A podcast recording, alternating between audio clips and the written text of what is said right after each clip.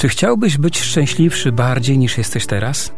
Czy wiesz, że Eucharystia posiada taką moc, że może z ciebie uczynić najszczęśliwszego człowieka na ziemi? Co zrobić, aby korzystać z niebiańskiego potencjału Eucharystii? Na te pytania odpowiem w audycji Jak rozkochać się w Eucharystii. Ojciec Zbigniew Ptak.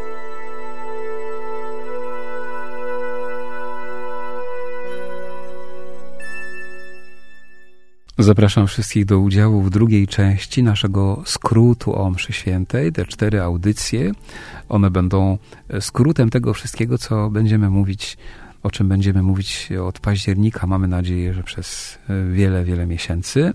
Każdego tygodnia jedna cząstka, jeden detal z mszy świętej. Tak będziemy głębiej wchodzić weń, aby poznać, zadziwić się mszą świętą. Dzisiaj druga część skrótu, czyli mówimy o liturgii słowa. Na początek przywołajmy Ducha Świętego, niech ten Duch Święty ogarnie nas ze wszystkich stron, niech da nam łaskę poznania, rozkochania się we mszy świętej, takiego rozkochania, który będzie naszym głodem. Wszystkich tych, którzy słuchają teraz tego słowa, błogosławie mocą Trójcy Przenajświętszej, Ojca i Syna i Ducha Świętego. Zakończyliśmy tydzień temu nasze rozważania na obrzędach wstępnych mszy świętej, a teraz chciałbym zaprosić do udziału w tej katechezie, w tym spotkaniu e, na temat liturgii słowa. Najważniejsze jest, żeby uświadomić sobie, czym jest ta liturgia, że to nie jest zwykłe takie słowo, które do nas kieruje człowiek, nawet namaszczony, ale to sam Pan Bóg do nas kieruje słowo w sposób indywidualny, na miarę naszych potrzeb on zna nasze serca i wtedy, kiedy je wypowiedział przez natchnionych autorów, to już nas widział. Dlatego zaprasza nas do tego, abyśmy to słowo przyjmowali jako słowo rozmiłowanego w nas Boga. Pierwszy element tej liturgii słowa to jest pierwsze czytanie. To pierwsze czytanie zwykle najczęściej jest ze Starego Testamentu. Kościół nam przez to pokazuje, że E, jest ciągłość między Starym Testamentem a Nowym Testamentem. Ten Stary Testament podprowadza nas pod Nowy, a Nowy wyjaśnia Stary. Drugi element liturgii słowa to jest psalm. Ten psalm to jest pierwsza we mszy świętej nasza odpowiedź na słowo, które Bóg do nas kieruje. Ta odpowiedź jest dla nas trudna, dlatego Pan Bóg niejako wkłada w nasze serca, w nasze usta to słowo, które jest Słowem Bożym, żeby nam było łatwiej odpowiedzieć.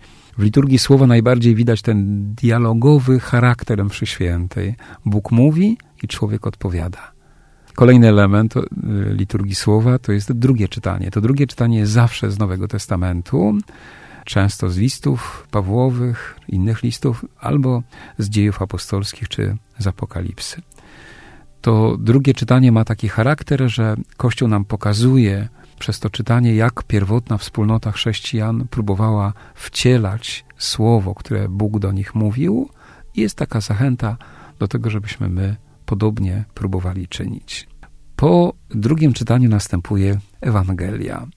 Ona jest y, traktowana jako taki szczyt liturgii słowa, podobny do Komunii Świętej. Dlatego w związku z Ewangelią jest dużo znaków, drobnych, subtelnych, które mają nam uzmysłowić wielkość tej części mszy świętej.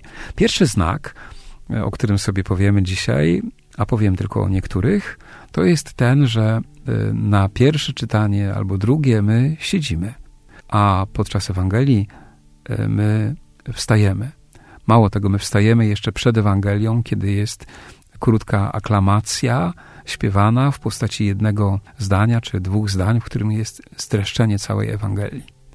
Później drugi znak to jest ten znak, w którym kapłan pochyla się i modli się o Ducha Świętego, modli się prosząc Pana Boga o to, żeby On otworzył Jego, oczyścił Jego usta, i serce, bo teraz będzie dokonywała się święta czynność, wielkie dzieło. Nie ma czegoś takiego przy pierwszym i drugim czytaniu. Kolejny piękny znak e, związany z Ewangelią to jest ten, że rozpoczyna się dialog. Pan z wami. Tego dialogu nie ma przy żadnym czytaniu, a zawsze kiedy jest w liturgii dialog, to on jest dla nas informacją, taką Bożą informacją, żeby teraz przygotować serca na te wielkie rzeczy, które będą się działy. Kolejny znak to jest ten, że kapłan, kiedy kończy czytać, właściwie mówimy proklamować Ewangelię, to jest taki wyższy poziom czytania, to jednocześnie całuje Ewangeliarz i wypowiada takie jedno zdanie. Niech słowa Ewangelii zgładzą nasze grzechy. Ten pocałunek to jest drugi pocałunek już we mszy świętej, i kapłan nie tyle całuje książkę pobożną, świętą, tylko całuje Jezusa odzianego w szaty słowa. A wypowiadając słowa, niech słowa Ewangelii zgładzą nasze grzechy, zaprasza nas do tego, żebyśmy sobie uświadomili, że Ewangelia ma moc gładzenia grzechów. Oczywiście powszednich, ale ma taką moc. Później te grzechy e, mamy wyznać jeszcze w konfesjonale, żeby zdać sobie sprawę z tego, e, jakie słabości posiadamy, ale one są w tym momencie e, zgładzone, żebyśmy, żebyśmy byli bardziej świadomi tego, co teraz będzie się dokonywało i żebyśmy byli przygotowani do tego, mogli le lepiej z tego korzystać.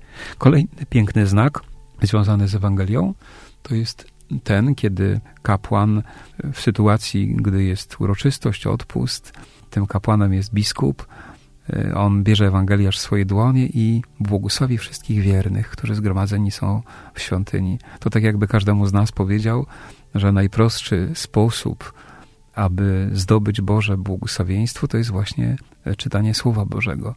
To jest otwarcie Pisma Świętego i obcowanie z tym Pismem. Po Ewangelii następuje homilia. Y, homilia to jest y, trudne dzieło dla kapłana, dlatego że zadanie kapłana polega na tym, aby pokazać nam, że to słowo, które słyszeliśmy, to jest słowo Boga na dzisiaj dla nas.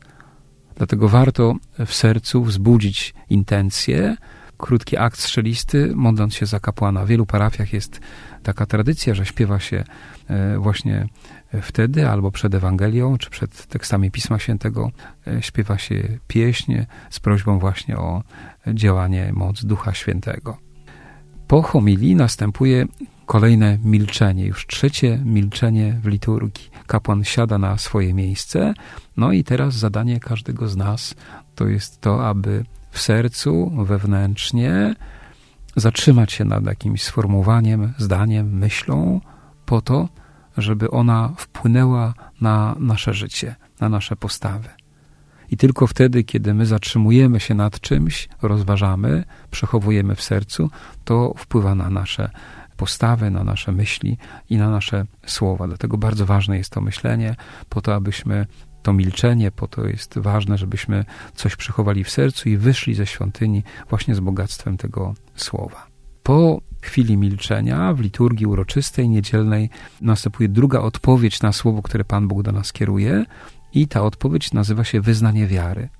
To e, wyznanie wiary, czyli credo, nie polega na tym, że my tylko przypominamy sobie prawdy naszej wiary, ale my przede wszystkim mamy sercem przylgnąć do tych prawd, które Pan Bóg nam daje przez Kościół, bo tylko wtedy, kiedy sercem przylgniemy do nich, to wtedy jest szansa na to, że będziemy żyli tymi prawdami, a nie tak jak niestety bardzo często bywa współcześnie, że, że wielu katolików ochrzczonych, chodzących do kościoła, wybiera sobie z tych prawd naszej wiary te, które im odpowiadają, a pozostałe odrzucają.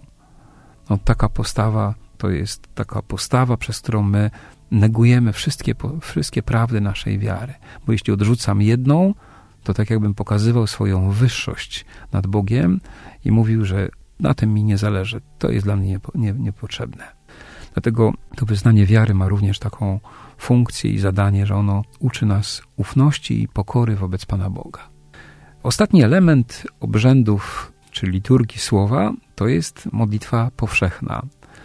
Ta modlitwa powszechna ma takie zadanie, że myśmy najedli się tego słowa, bo przecież było pierwsze czytanie, drugie czytanie, była Ewangelia, była homilia, tego słowa było bardzo dużo i teraz my nie możemy być obojętni na cierpienia, problemy ludzi. My tym słowem nakarmiliśmy się po to, żeby teraz właśnie wspierać ludzi potrzebujących. Nie możemy do wszystkich tych ludzi dotrzeć, ale przez modlitwę możemy dotrzeć do, dosłownie do każdego człowieka. możemy tych ludzi, którzy są w potrzebie, o których dowiadujemy się z mediów, tych ludzi, których życiorysy znamy, tych ludzi, z którymi mamy jakiś kontakt, a którzy są w potrzebie, a właściwie dzisiaj prawie każdy jest w potrzebie, tych ludzi możemy właśnie teraz ogarnąć naszą, naszą modlitwą, włączyć ich w to dzieło zbawienia, które dokonuje się właśnie tutaj na ołtarzu. Dlatego bardzo ważne jest, żeby wzbudzić w sercu właśnie te intencje, również w tym momencie osobiste, które przynieśliśmy z sobą i włączyć się w to wołanie, które Kościół zanosi przez osobę, która czyta te e, wezwania modlitwy wiernych, a zwykle rozpoczynamy te wezwania od troski naszej za papieża, za Kościół, za biskupów czy kapłanów, bo ich odpowiedzialność za cały Kościół jest największa. Dziękuję e, Wam, drodzy radiosłuchacze, za wysłuchanie tej kolejnej katechezy o mszy świętej. Wszystkich Was błogosławię na to, aby to słowo, które słyszeliście, w Was pracowało, aby Was zachęcało do jeszcze głębszego udziału we mszy świętej. Niech Was zatem błogosławi Bóg Wszechmogący, Ojciec i Syn i Duch Święty. Amen.